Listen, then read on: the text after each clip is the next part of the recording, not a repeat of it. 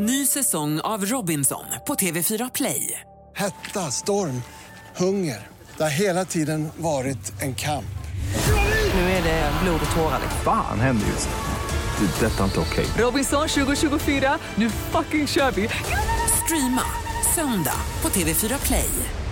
Hallå där, det är jag som är Lotta Bromé och det här är ett inslag från Halv tre med Lotta Bromé på Mix Megapol. Blodomloppet är ett lopp som springs på flertalet platser i landet och tidigare i vår så har det bland annat sprungits i Malmö, Örebro och Umeå och framöver så kommer det att springas i bland annat Östersund, Visby och Göteborg. Idag och imorgon så hålls blodomloppet i Stockholm som i år sammanstrålar med internationella blodgivardagen som är just idag då, den 14 juni. Syskonparet Inger och Kjell Kvarfort från Stockholm har sprungit alla blodomlopp sedan starten 1993 och nu står ni vid starten vid Djurgårdsbrunn i Stockholm ännu en gång. Hur känns det? Ja, ganska bra. Just nu eh, skiner solen, så Ja. vi håller tummarna. Hur, hur kommer det sig att ni började med det här?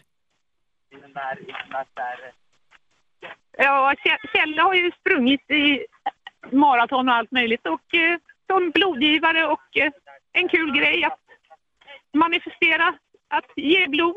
Ja, hur, hur långt är det ni springer i ett sånt här blodomlopp? Eh, Vi, vi springer fem kilometer, men det finns tio kilometer också för de som vill springa lite längre. Ja, eh, hur är det med dig Kjell? Du springer tydligen för många lopp per år, är det så? Det kan man säga, ja. Ja, hur många blir det? ja jag skulle säga att det blir väl 20 lopp om året någonting. Wow! Och vilket är det längsta? Ja, jag springer ju maraton några gånger om året, så det, Mm. det är ju det. Eh, ni är ju även blodgivare då. Det känns som det alltid finns ett behov av fler blodgivare, även om intresset till exempel i Stockholm ökat nu under våren här. Då, vad, vad är det som gör att vissa tvekar att ge blod, tror ni? Jag tror att de tror att det gör ont och man blir dålig och eh, en del vet inte att man får. Ja, får jag, nej men inte ska jag. Så att, ointresse och att de inte vet helt enkelt. Sen har jag hört från en del människor som ger blod, de tycker att det är ett bra sätt att, att hålla sig hälsosam, att det faktiskt kan vara bra att göra det. Ja, det, det så är det ju. Man, man får ett litet hälsokvitto varje gång man är där, liksom att man är frisk. Och det gör ju att man är intresserad av att hålla sig frisk. Mm. Och det, både genom att springa och hålla sig frisk och sköta sig på andra sätt.